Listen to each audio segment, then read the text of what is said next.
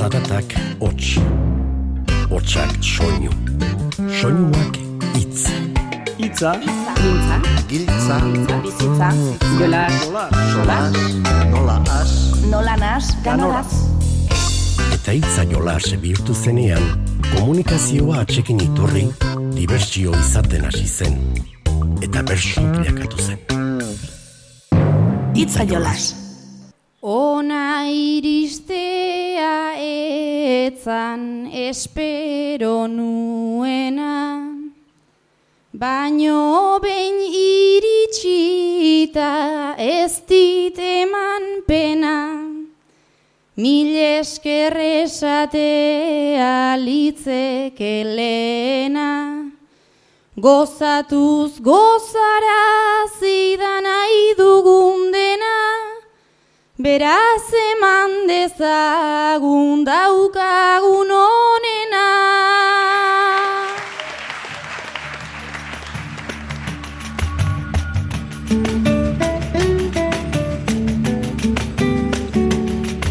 Kaixo entzule, ongi etorri bertsoen uinetako plazara.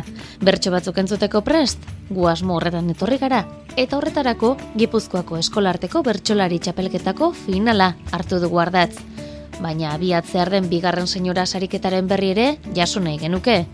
Eta bertsoak idazte atsegin baduzu, azkao txiki bertso paper lehiaketa abian dela ere kontatuko dizugu. Kontu asko beraz, denbora gutxian esateko.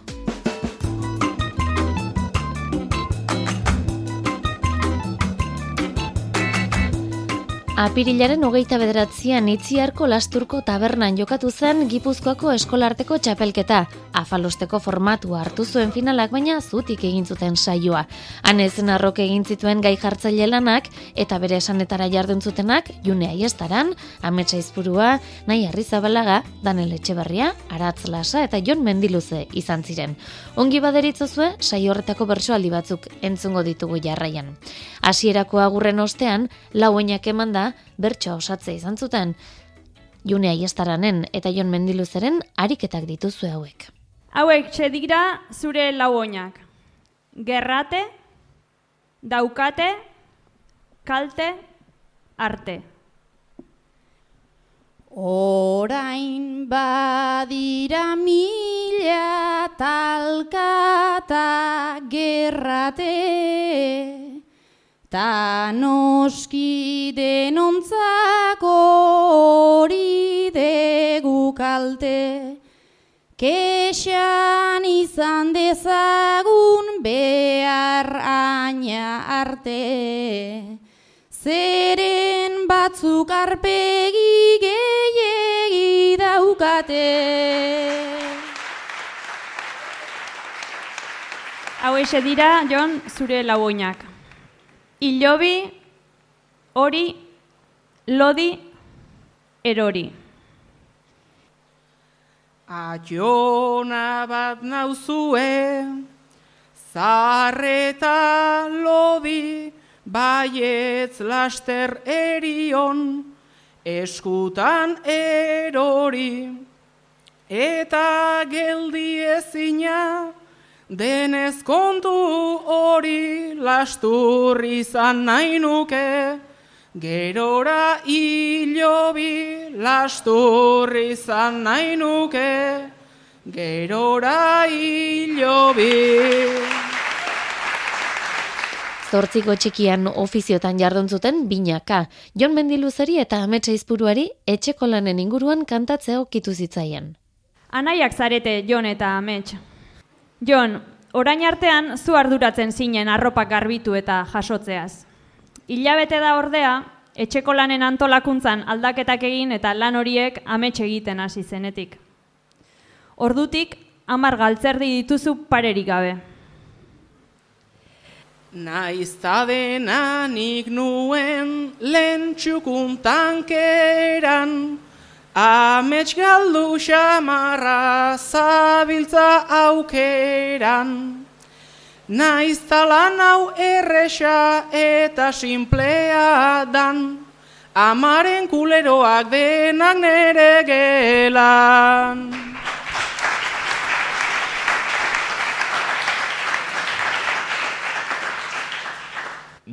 lanean hasita, denak egindu krak, etxeko egitura, aldatu era bat, angaltzerdi bat dago, eta angoa bat, alkandora hoiekin plantxa asko daukat.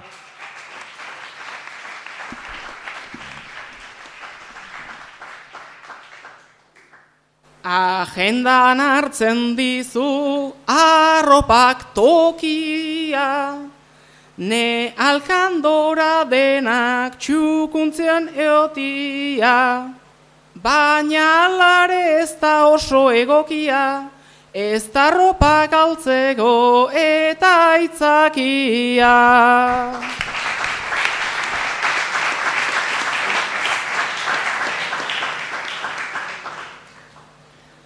Ta orain labadora jartzearen eske, oraindik omen dago dena garbitzeke, baina geratu zaitez une bat etete, oaindik buelta eta buelta ibili daiteke.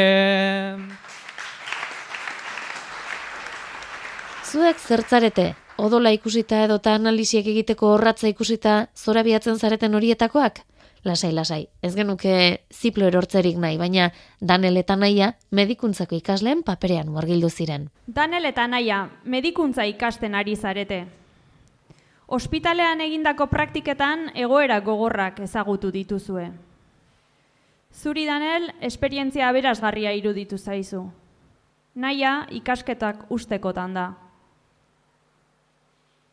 Kantatzera konpentsatzez soilik, lehortzen zaite ez darria, bizitu dugu azken aldiontan, hain egoera larria.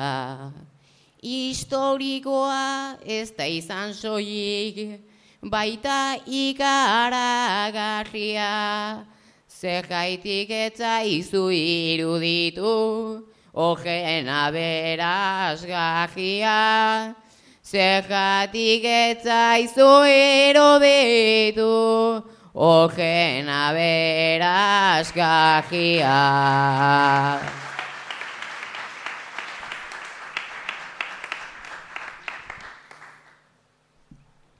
Minbizia eta infarto hotxa, denak batetik bestera, iotz otzoiek pasatu dira, gubion esku artera.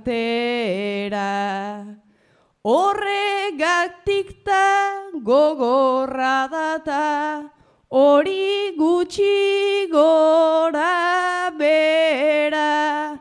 Bizi guztian ezin detegin bide honetan aurrera. Bizi guztian ezin detegin bide honetan aurrera.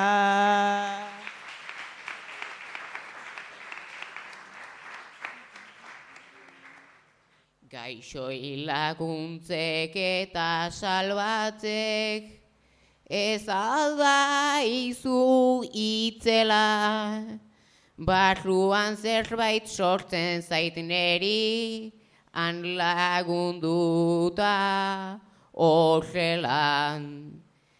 Eta bazaude inkomodota, lehen egon zinen bezela, medikuntza hautatzerakoan, zek uste zenuen zela, medikuntza hautatzerakoan, ze juste zen nuen zela.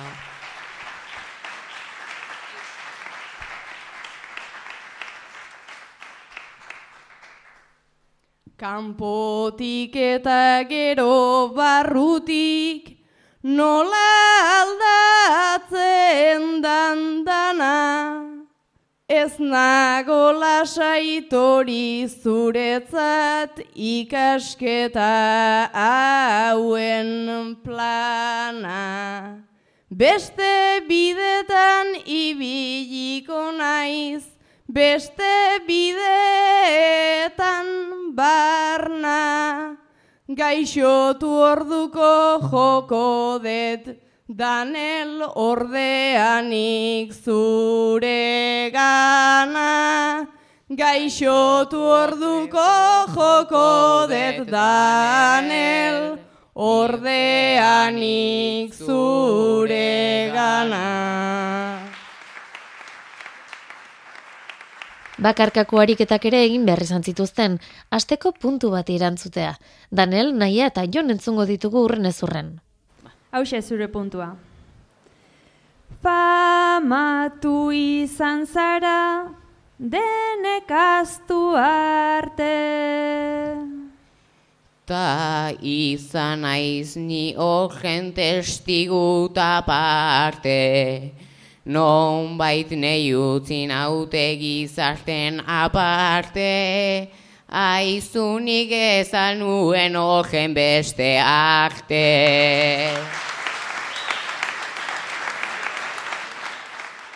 Naia, zure puntua hause. Eriotzaz gutxitan hitz egiten dugu. Bizitzea baitugu guztiok helburu. Bizi duin bat ta bizi aldela seguru. Alere eriotza hain gertu daukagu. Rengoa, Jon, zure puntua honakoa. Gosea pasatzea ez dakigu zer den.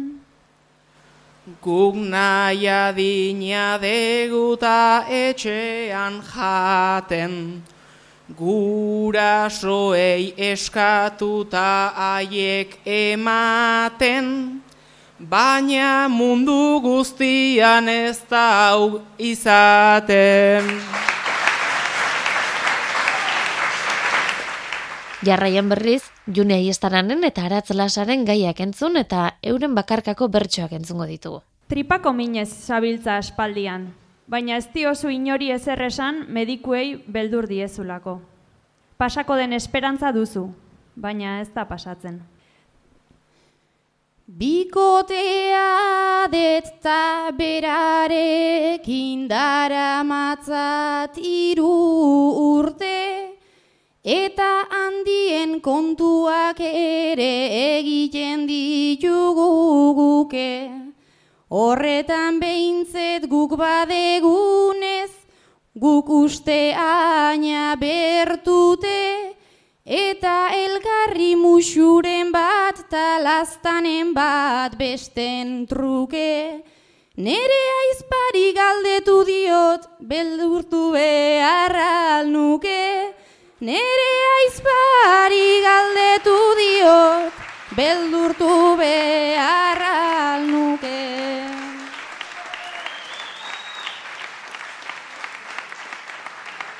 Zuen amak ardurak izan ditu politikan, eta luzaroan oso presente egonda politika zure bizitzan. Botoa emateko adina lortu duzunean ordea, boskatzera ez joatea erabaki duzu. Gure amatxu kontu hoietan Fama haundiko izan da Taneri ere e parte hartzeko. Ordua heldu zait jada. Baina nik ez ba bozkatuko. Hori pentsatu dut ara, odolez berdin, baina pentsatzen oso ezberdinak gara. Nola aldatzen diren olako, kontu hauek kamara da.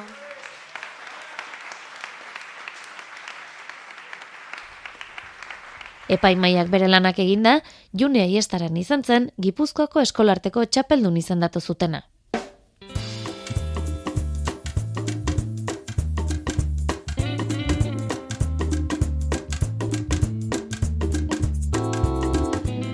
Bertsolari egiten zaien gixan, ariketa jarriko dizuegu gaur.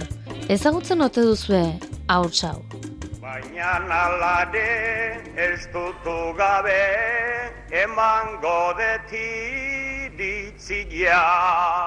Nere aurrera hemen txendator, orain aurtso bat txikia.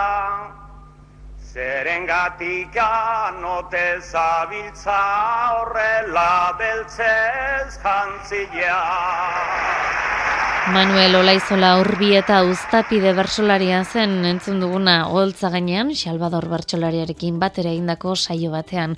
Bapako aristidazleak nire uztapide liburuaren berredizioa plazaratu du erein argitaletxearekin. Testu egokitu eta argazki berriak ere sartu dizkiete. Ala dio egileak, haren izena bertsolari handien lekuan ageri dela beti, baina Uztapideren bertsoak ez direla beste batzuenak bezain gogoratuak. Liburu honek Uztapideren figura eta ibilbidea berreskuratu nahi ditu.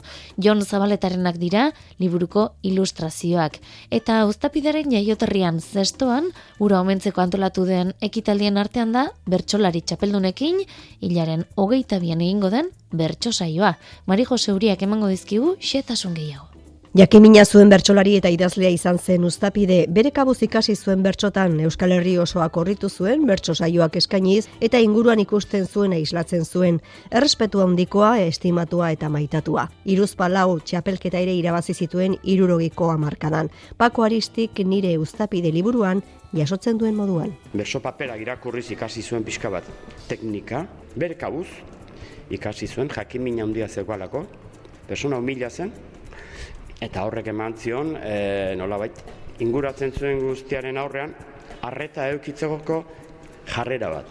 Horren zen, bueno, olako persona berezi bat, jakin min handia zeupana, eta jendetasun handia, harremanak, adiskitetasuna, jendeari errespetu handia, empatia handia, Orduan guztiz maitatu izan zen. Biografi nobelatua da garaian garaiko pasartea biltzen dituena kapitulu laburrekin jositako jala idazkera bizia duena.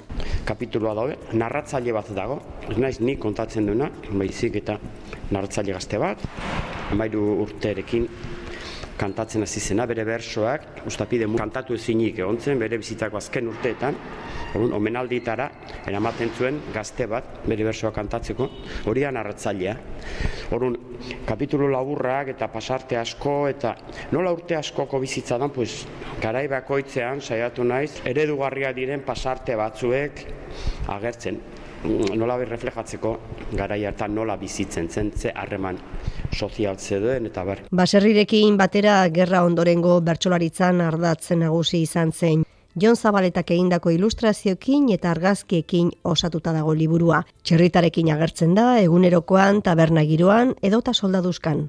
Ilustrazio lana nola dan, beti pues, egin behar izaten dut, e, kokatu dibujoak e, historiaren barruan. Orduan hemen, hemen adibidez uste dela emantziot tenian e, txapelketa batian e, txapela. Kulturre referente izan zenaren figura eta ibilbidea berreskuratu nahi izan dute transmisio alburu hartuta, zestoan jaioterrian ikasten duten laureun eskola umeri eman zaie liburua. Aristik berak solasaldiak izango ditu beraiekin. Eta hainbat ekitaldi ere antolatu dituzte jaioterrian bertan. Amazazpitik aurrera Mikel Arregi alkateak dion moduan. Liburuarekin batea, ba, hor e, ba, urrengo astean, eh, maietzan hemen zazpien hasita, ba, itzaldi ziklo bat egingo dugu. Ba, liburuaren e, aurkezpen musikatu bat egingo dugu, bertan izango da, idazlea, Pako, Pako Aristik, ero Juan Cruz Ezeiza, bea, ba, bueno, ba, ustapideren azken urteetan bere bide lagun izen zena, eta herriko bi musikari, ba, izpea eta joritz, e, bi musikari gazte, gero Xabera Murizak beste itzaldi bat emango dio. Eta hogeita bian amaituko dira, txapeldunen parte hartzea izango duen bertso saioarekin. Bueno, Xabera Murizabea bapatekoan ez da aritzen, e, bapateko utzizula, baina bere presentzia ere bermatukoa eta bea ere presente hongo da e, oholtzan, e, ba, Sebastián Leizazu, Andoni Gaina, Metxar Zailuz eta e, Maialen Lujan Biokin e, batea. Pako Aristiren nire uztapide liburua erein argitaletxeak plazaratu du.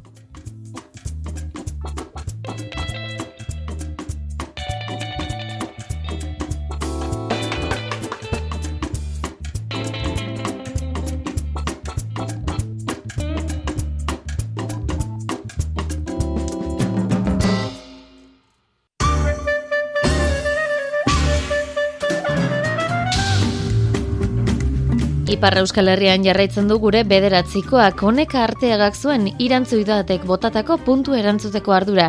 Jakin nahi alduzue, ze erantzun dion honek? Bertsoa ez omen da usten betirako. Behin asirik ezin egin eskapom. Alda urjuntzen joan sorien gisako, baina behiz bueltan da konturatzerako. Ta naiz egin salto, bahkuntatik kanpo beti leku franko bada bertxutako. Gure izaitearen parte delako. Gure izaitearen parte delako. Eta nik uh, iratel kantari jari ezagiko diotene puntua, zenta justu ikusi giren azken aldian kate negan eritxea intzin. Egon giren untaz mintzatzen, eta berak etzen ezautzen, beraz uh, puntua enegan eritxi delarik berata zoroitu naiz. Jodan diretirentzako puntuak hola dio. Txapelketetarako prestatzen astean. Urrengo saioan jasoko dugu irati alkantarilaren erantzuna.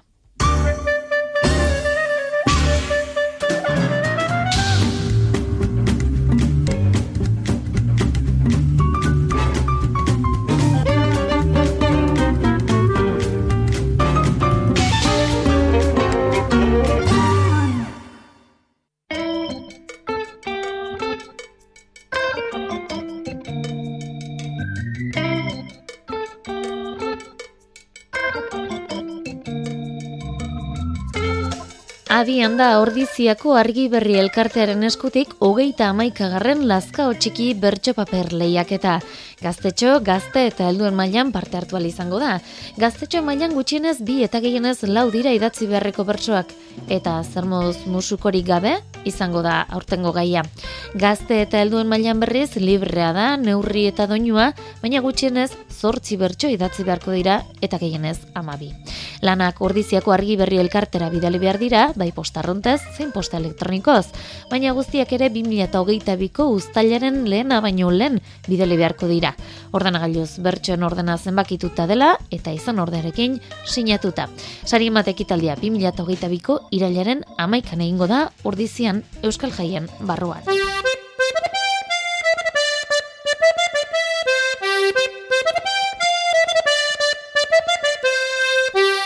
Eta jarraian memorian atzera pikin bat egiteko eskatuko dizuegu. Gogoan izango duzue bergarako seminarixuan, erramo zapatu bezperako jaialdian, unai iturriaga, oian aiguaran, anela baka, andoni egaina eta iker zubeldi aritu zirela bertxotan, ibon leibar txinbo, gai jartzaile zutela. Eta badakizue, gero eta ariketa ezberdinagoak entzuten direla sarri holtza gainean. Ba, ez dakigu, saio honetan estualdi txikiren batean jarri ote zituzten, baina ea ze iruditzen zaizuen Ibon Leibarrek txinbok proposatu zien honako ariketa. Oin lehiaketa bat ingo. Nik sorti galera dauzkat, zuek erantzun. Azkarrena kantatzen dago. Fai hau eskero errebotia gongo da. lehenengua erreza. Ze provintziatan dago butroeko gaztelua? Genteak barre egin du hemendik klaro. Baina zehaztapen bat ematear nago.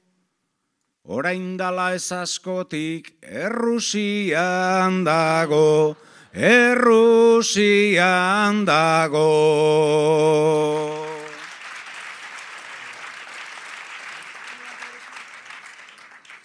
Bueno, bigarrena. Zein estatuk irabazi zaban aurrek urteko Eurovision jaialdisa?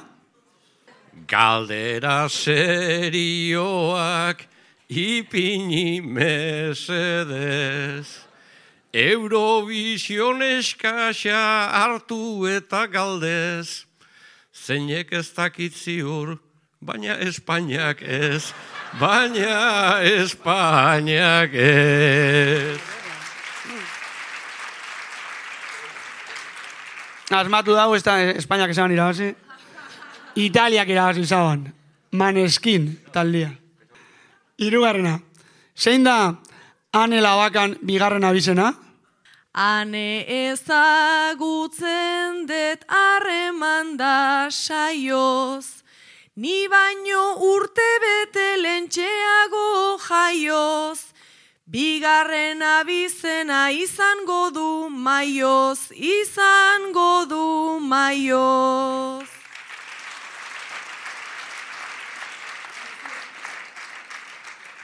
Hori da, maioz, zan, eh, erantu zuzena. Urrengua. Zera Vitoria Nacho?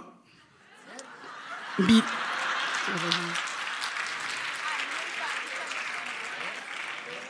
Bai, zera Bergarako Vitoria Nacho?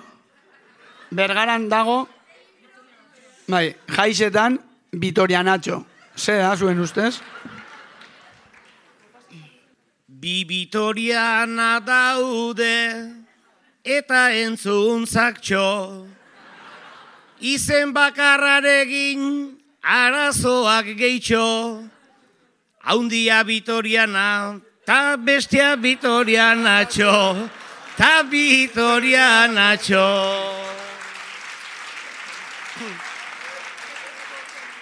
Da, da, jaizene hasieran, e, hemen goitxeke jaisten dan e, ba, pertsona jado panpina udaletxera, eta gero bukatzen diren jaizak alrebez. Igoitzen da, eta, eta ja, jaiza bukatutzen dira.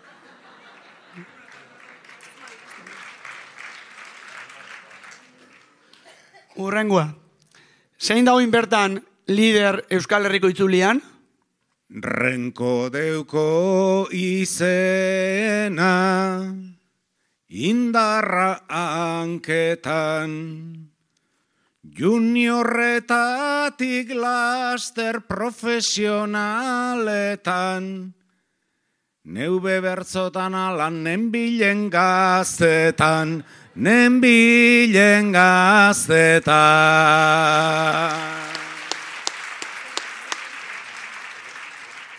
Hori, renko beben epoel. Belgikakoa. Urrengua. Ze taldek egin dau datorren hastian dagon zutik gazte topaguneko kantua? Ezin dut pasmatu, tasmatzea naio, baina aleginduko naiz pixkat gehiago.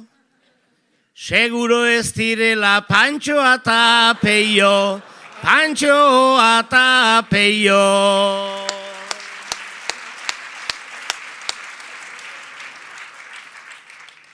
Ibilbedik indau, kantua. Iruñako taldea. Urrengua. Ze materrik osatzen dabe gipuzkoa? Jotxinbok garabilzki, sustutik sustora. Zenbaki bat zehatzan eretzat asko da. Irurogeitik bera, berrogeitik gora. Berrogeitik gora.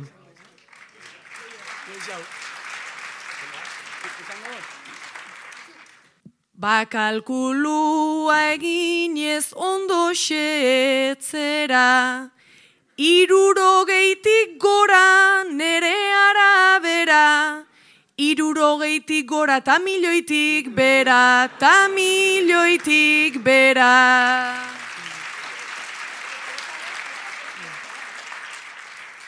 Laro eta behatzi herri, dare gipuzkoan. Bueno, eta azkena, Maialen Luganbiok 2000 eta behatzi garren urtean lortu zegoen bere lehen txapela, zeintzuk izan ziren urte hortako beste finalistak? Piskana esango dugu, txinbo zaude lasai.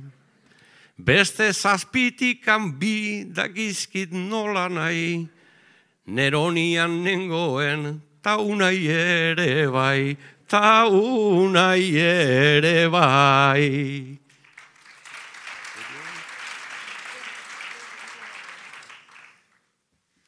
Eta amets ere bai, ta baita ere sustrai.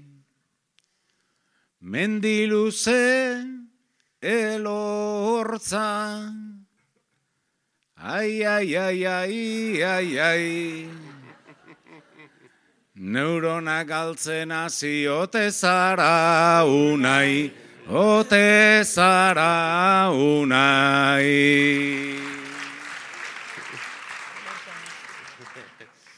Ba oraindik neuronak ni badauzkat bertan, ta bestea jon maia genuen benetan, jainkoan gisa dago toki guztietan, toki guztietan.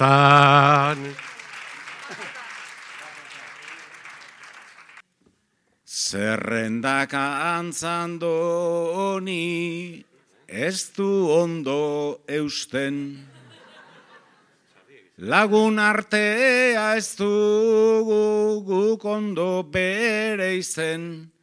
Tximbok beste bat dio, baina ez dut sinesten, baina ez dut sinesten.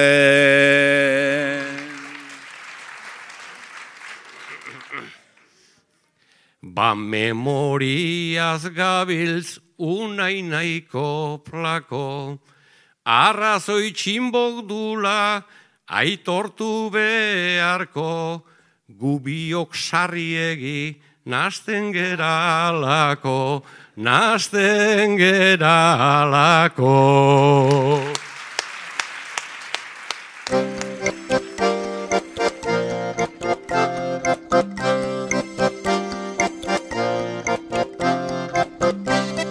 Memorian atzera egiteko ariketa horrekin jarraitu behar dugu, baina beste pikin bat atzera egiteko eskatuko dizuegu. Maiatzean gaudela oraindik ere probestuz, fornotekan atzera egin, eta ara, gogoan izango duzen nola berrogeita amargarren osinalde sariketaz jardun genuen, ba oraingoan hogeita laugarren osinalde sariketaraino egingo dugu atzera. Bixente Gorostidi eta Xabier Legarreta entzungo ditugu Iñaki Muruaren esanetara. Bixente eta Xavier. Eta hause da zuentzako gaia. Maiatzaren batean, hartzaiek mendirako martxa hartuko dute. Zu, Xavier, zara mendiko hartzai txabola edo borda. Eta zu, Bixente, bertara doan hartzaia. Beraz, Bixente, hartzaia, bera hasiko da, bertsotan. Eta Xavier, mendiko borda edo hartzai honen txabola. Maiatza ere eldu da eta mendi aldeko garaiak hartzaientzako hasiko dira. Egun bikainda alaiak txabolaurrean galderatxo bat badauka orain hartzaiak ondo gordeta egon aldira. Ondo gordeta egon aldira. Utzi nituen gaztaiak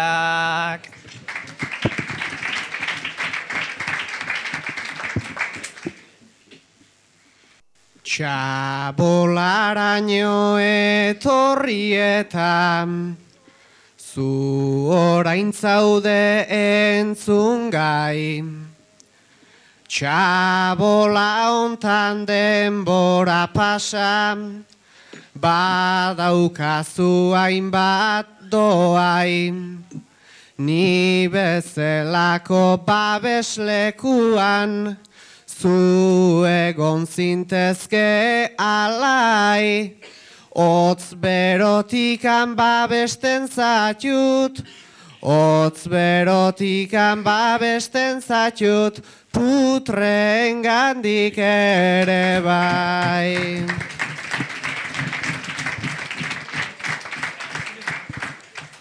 Nere babesa ez didazu sarri hain ondo kumplitu, Otza denean, kanpoko gisan, barruan sarri gorritu, zure goerak aurtengo ontan, ere ez nauni harritu, nik zar-zarra utzi zintudan, nik zar-zarra utzi zintudan, eta etzera berritu.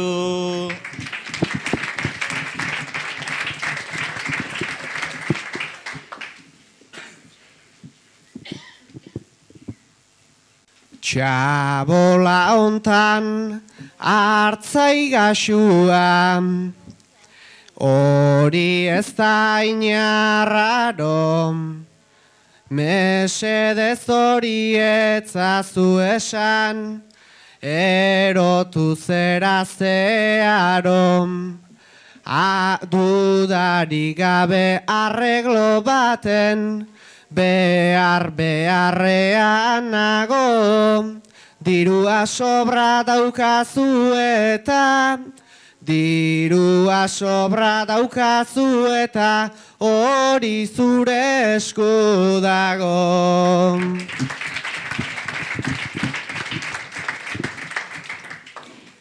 Dirua ez dut sobrenik eta ez izan gaur astakirten.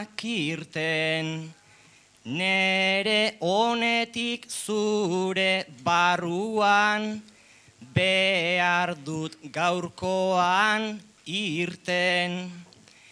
Egia esan, xagu gazteok, ez dakit zer egin duten, baina nolatan utzi diezu, baina nolatan utzi diezu, barnean kabia egiten.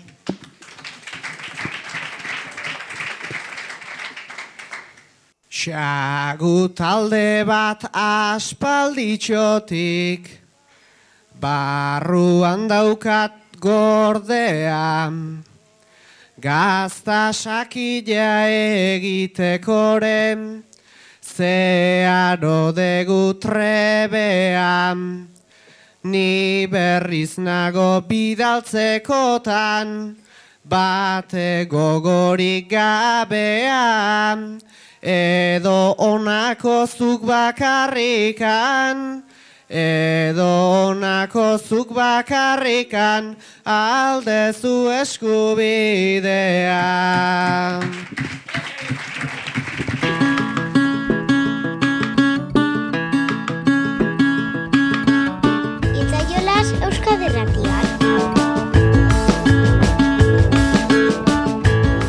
Babadator, ateioka, bigarren senyora sariketa.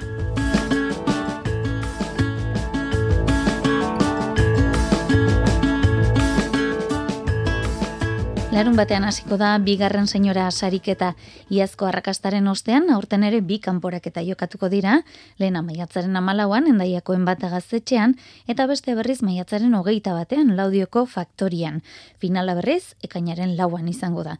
Baina sariketa baino gehiago dela ere esan genezake, aldarrikapenik ere baduelako berarekin. Xietasun gehiago eskaintzeko gurekin dugu, Danele Sarri Ugarte antolakuntza taldeko kidea, Danele ongi etorri. Mi esker, kaixo egunon. Tira, senyora sariketa zer den ez dakinik balego, ze esango zenioke zer dela sariketa hau? Bueno, senyora sariketa, bigarren aldiz antolatu dugu aurten, iaz eh, antolatu zen baitere oso baldintza bereziak eh, tarteko pandemia gatik eta, helburu batekin sortu zen, badakizu ja orain dela urte batzuk eh, bertso munduko emakumeak eta emakume feministak ba horre lanean ari direla eh, ba, hainbate gauza e, lortzeko eta eta bueno, aurrera egiteko.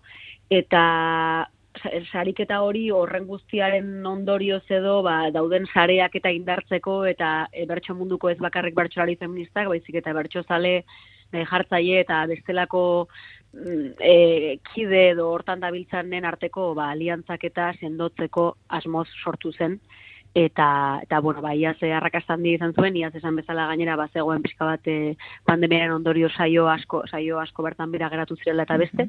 Eta bueno aurten egoera arruntagoa bada ere ba, ba bueno mantentzea e, erabaki dugu eta honekin jarraitzea. Mm bertso plaza berriak sortu eta bide batez emakumei zein aspiratutako identitate ikusgarritasuna emateare badu helburu ezta saioetan eh, horretarako aukerarik ez dute izaten ez, e, ba igual direlako saioko gaztea, edo saioko emakumea, edo saioko dena delakoa, eta eta orduan bueno ba ematen du aukera ba beste gai batzuk beste logika batzuetan da beste gauza batzuk probatzeko bidea. Eta kopuruarena ere garrantzitsua da, baina ez dakit azkenean e, kopurua bakarrik ez daizik eta ere, bueno, ba, bertso plazako logika batzuri edo e, ba, zalantzan jarri nahi dira edo behintzat eh, horri buruzko galderak egin, ez? Ba, bueno, gauza batzuk oso ezarrita eta oso finkatuta daude eta eta bueno, ba bestelako identitate batzuk agian erosoago sentitu daitezke beste gauza batzuetan eta hori hori saiatzeko eta hori lantzeko espazioak ere beharrezkoak dira, ez? Eta horren bitartez baitere ba agian plaza tradizionalago horretan eragin daiteke ez bakarrik eh, emakumeen presentziarekin edo bestelako identitateen presentziarekin, baizik eta ba bueno, beste beste gauza batzuetan gaietan ere nabaritzen da adibidez, ez? Aldea e, ba, bueno, txapelketei eta reparatzen baldin badiegu, baina, baina bueno, ba, azkenean da, e, hainbat faktoretan e, eragi, eragin naia. Mm Belaunaldi ezberdinetako emakumen artean, nola baiteko katekorratzaren lana ere egin duela esango zenuke, senyora sariketak? Edo bidea ba- urratu duela horretan behintzat? Bai, helburuetako bat bada hori ere, e, bada azkenean orain bertan plazan dabiltzan e, belaunaldiak normalean batzuk izaten dira, ez? E, adine ertainean edo gaztetik ertainera doazenak eta gero edade batzuetatik aurrera eta azpira bagien ez dago hainbeste eta eta bueno, ba arteko aliantzak sortzea ere beharrezkoa iruditzen zaigu, saiatu gara ba, e, finalean badago ogorezko señoraren figura hori, eta orduan bi, bi bertxolari zuzenean sartuko dira finalera, eta hor baita ere, ba, batetik aitortza bate egin nahi zaio e, ba, horretan aritu direnei edo bueno, hainbat arrazoi ditarteko iruditzen zaigunei ba, ba, ba eskartu nahi diegula eta aitortu nahi dugula egin duten bidea. Eta eta bestalde egia da ba Zentolakuntza taldean batez ere adin jakin, adin tarte jakin bateko e, jendea gabiltzala, ez guztiak, baina batez ere hori, eta, bueno, ba, e, asmoa da, zabaltzea alik eta, alik eta gehien, eta alde hortatik ere belaunaldien artetik, eta lurraldetasunaren aldetik ere anistasuna egon dadia, eta sare horiek zabalda itezela. Mm Beraz, ate joka dugun senyora sariketa hau, sariketa baino gehiago, leia baino gehiago da, hori baino sakonagoa da, da mamiaz, da. Bai, azken batean, bueno, lehiaren kontuarekin izan ditugu gure gure kontuak eta komeriak. E, batetik, bueno, oso formatu erabilia da bertso munduan eta alde hortatik praktikoa da, ez? Ba, ez dakit badaude beste egitasmo batzuk ere bai plazatik gaztetxera bezalako e, egitasmoak, ba, bueno, ba, bertso bertsolaritza gaztetxetara eramateko, ez? Ba, beste publiko batzuetara eta horren lehia erabiltzen da. Gure kasuan, e, esan bezala, ba, bueno, formatu hori hor dago, ez batzuk ere izan ditugu horren arira, baina bai nahi genuen planteatu do bintzat probatu, ba, ea leia ikuspegi feminista batetik edo beste modu batera landu bote genezaken, eta, eta bueno, beste ez dakit beste logika batuetan edo pentsatu. Horretan gabiltza, egia da esan bezala, ba, ez sortu duen gauza bat dela bai taldean, bai, e, bai e, itze, bertxolariekin hitz egin dugunean eta beste, baina, bueno, ba, momentuz formatu honetan gaude, e, aukerak ematen aukera handiak ematen dituelako, eta eta baita ere, ba, gauza perpentsatzeko aukera ematen digulako, baina, baina bueno, aurrera begira e, berpentsatzen segitzeko e, gogoz eta asmoz. Mm Tira, esan dugu larun batenetan hasiko dela bigarren senyora sariketa, ba, endaiakoen bat agaztetxean hasiko da, Josune Aramendi, Amaia Iturriotz irati alkantarila, Ane Reuzkitze, Paule Loizega eta ekin ezapien jarituko dira bertxotan, eta Amaiatzaren hogeita batean berriz, bigarren kanporaketan, Leire Vargas, irati handa, Andere Arriobla bengoa, Nebeloki, Ane Labaka, eta Sarai Robles arituko dira. Horiek, eta esan duguna, finalean ez inaztu, orezko senyorak ere tartean izango direla. Ez dakit iaz e, amaia gerrek jantzitako Pamela hori ia nor jantziko zain dagoen, edo besteren bat izango ote den Pamela? E, barkatu, eh, zamarra izut gauza bat, lehengo kanporaketan aldaketa atxo bat egon da, eta irati alkantaria azkenan ez du bertan kantatuko, e, bueno, ba, este, e, kontu batzuk tarteko, eta usu alkorte izango da e, e, e, abesten. Mhm. Eta Pamelari dago kionez, ba, ba, bueno, e, bai aurtengo bertsolari guztiak berriak izango dira, alegia lehen urtean parte hartutako inork ez du parte hartuko, eta, bueno, Pamela e, hor dago zain, ze, ze bururen gainean jarri, eta finalerako zeintzuk izango diren gure horrezko senyorak ba oraindik eh, ezin dezakegu esan. Tira, e, oroitzen dugunez iazko senyora sariketa umorea, girona, e, ez dakit nola baiteko e, giro berezia e, sortzen zen saioetan, aurten ere beraz irrikaz izango zarete, giro hori errepikada din, ezta?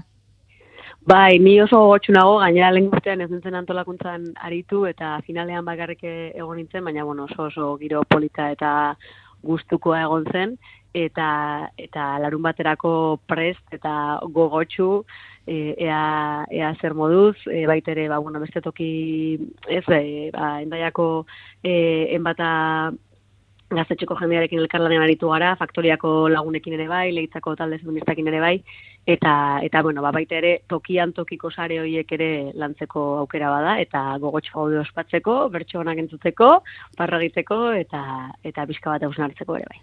Tira ba, Danele Sarriugarte eskerrik asko, gurean eh, azalpen guzti hauek ematearren, ondo ondo joan da guztia, eta zorteon, guzaiatu gora, hemendik eh, uin bidezko jarraipena egiten.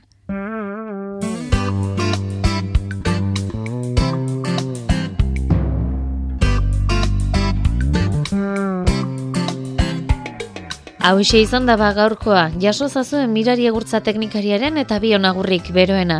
Gaur june aiestaranek itziarren jokatutako gipuzkoako eskolarteko txapelketan, txapela jantzita bota zuen azken agurra entzunez utziko zaituztego. Urren arte bada, ondo izan eta zaindu. Naiz eta moñoa egin, dudan seguruta adi, kendu beharrik enuen aurre ikusita argi esker hitzak besterik ez nere bertso eskolari zuen gatik nago hemen egin baina uzue handi beste amar mila esker Biotz bihotzetik maien, zure pelmadaren gatik, hasi bai nintzen kantari, bertso bakoitza eskaintzen, diot nere amonari, guztia posible dela, irakatsi zidanari.